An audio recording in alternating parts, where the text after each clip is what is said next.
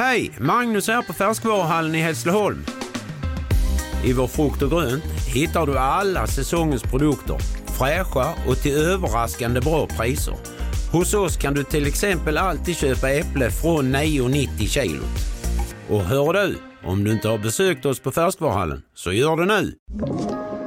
Podplay. Här är senaste nytt. Historiska vattenmängder befaras att drabba delar av Gävleborgs och Västernorrlands län. Och SMHI har gått ut med en röd varning för höga flöden. Det är också gul varning längs södra Norrlandskusten och i östra Svealand. Vattenflödena kan nå en omfattning som bara uppstår vart femtionde år. Och i Lillfjärden i Hudiksvall så gräver kommunen för att skapa mer utrymme för vattenmängderna som väntas att komma. Vi hade ju Hans, stormen Hans i färskt minne och vi vet, vi vet följden av den så att eh, det här är ju för att förbereda oss. Det sa Peter Söderlund som är chef på gatuenheten i Hudiksvall.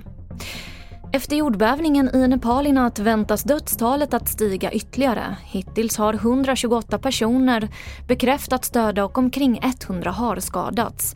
Skalvet hade en magnitud på 5,6 och förödelsen är omfattande. På många håll så är det så svårt att nå fram att man ännu inte kunnat leta igenom rasmassorna. Svenska företag har fortfarande skulder på närmare 45 miljarder kronor till svenska staten efter coronapandemin. Det här rapporterar Ekot. Under pandemin fick företag skjuta upp skattebetalningar och 23 000 företag är fortfarande skuldsatta. Mer nyheter på tv4.se. Jag heter Emily Olsson.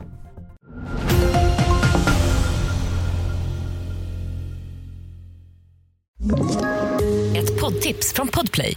I podden Något Kaiko garanterar östgötarna Brutti och jag, Davva, dig en stor dos skratt. Där följer jag pladask för köttätandet igen. Man är lite som en jävla vampyr. Man har fått lite blodsmak och då måste man ha mer. Udda spaningar, fängslande anekdoter och en och annan arg rant.